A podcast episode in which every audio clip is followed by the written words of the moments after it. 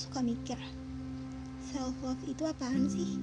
Soal percaya diri, atau mungkin soal selalu ada buat diri sendiri.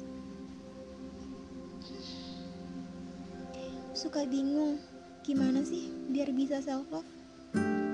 Soalnya kadang tiba-tiba ngerasa insecure.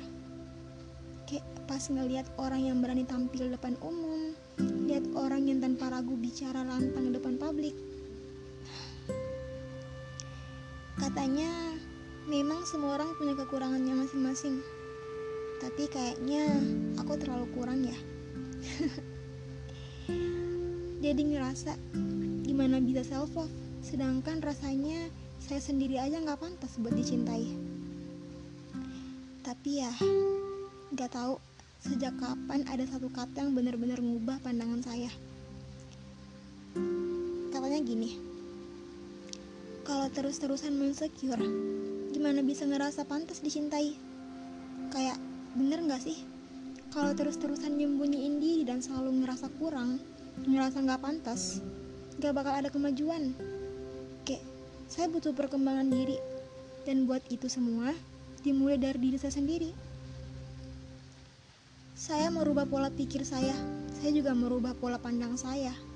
Yang kalau kemarin saya bilang iri banget deh lihat orang yang bisa public speaking sekarang berubah menjadi oh kalau orang lain bisa artinya saya juga bisa we are same kita sama-sama manusia yang artinya kalau dia bisa ngelakuin satu hal, saya juga pasti bisa. Toh yang membedakan kita cuma progres. Dia bisa karena dia berusaha buat bisa. Sayang dulu selalu berpikir, dia cantik banget ya. Aku mah apaan? Jauh di bawah kata biasa aja. Sekarang saya ganti menjadi enggak, saya juga cantik. Saya cantik sesuai standar pada diri saya sendiri.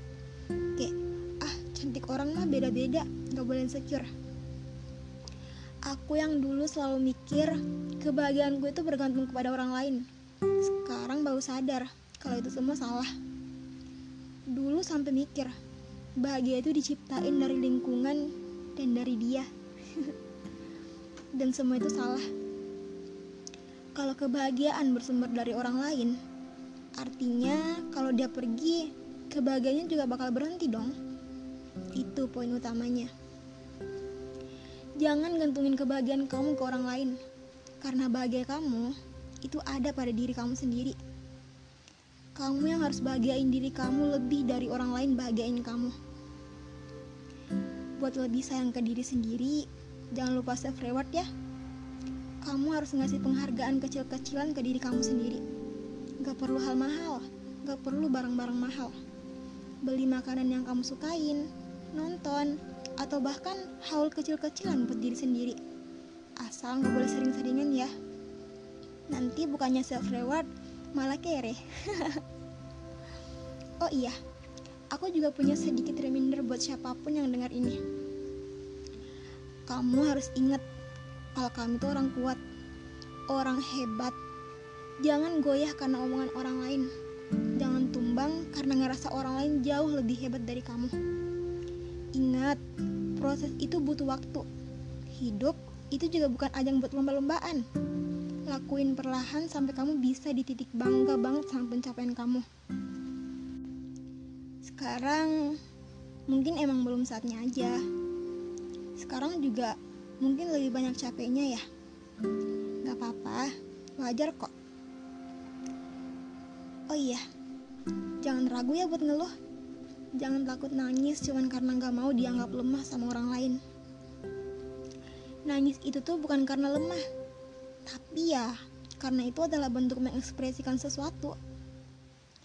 Dan yang paling penting, stop buat mikirin pendapat orang lain soal diri kamu. Stop biarin mereka jadi komentator soal hidup kamu yang bahkan mereka nggak tahu apa-apa.